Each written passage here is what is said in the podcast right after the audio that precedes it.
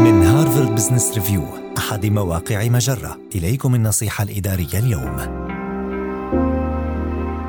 كيف تطلب من مديرك الحصول على إجازة طويلة؟ قد تجد نفسك بحاجة للحصول على إجازة طويلة من العمل في مرحلة ما من حياتك المهنية، سواء كان ذلك لرعاية مريض من أفراد الأسرة أو بهدف استكمال الدراسة أو لسبب شخصي آخر.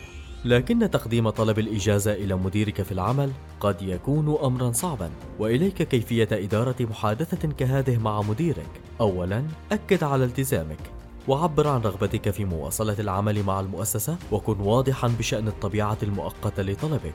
ثم قدم معلومات كافية للمدير بشأن موقفك حتى يفهم طبيعة احتياجاتك لكن لا تقدم أي معلومات لا ترغب في مشاركتها مع أحد.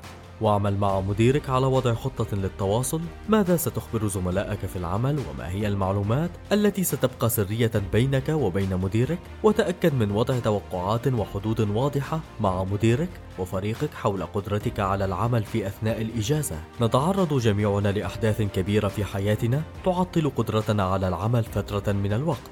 لذلك كن مستعدا للتعامل مع تلك الأحداث فور ظهورها.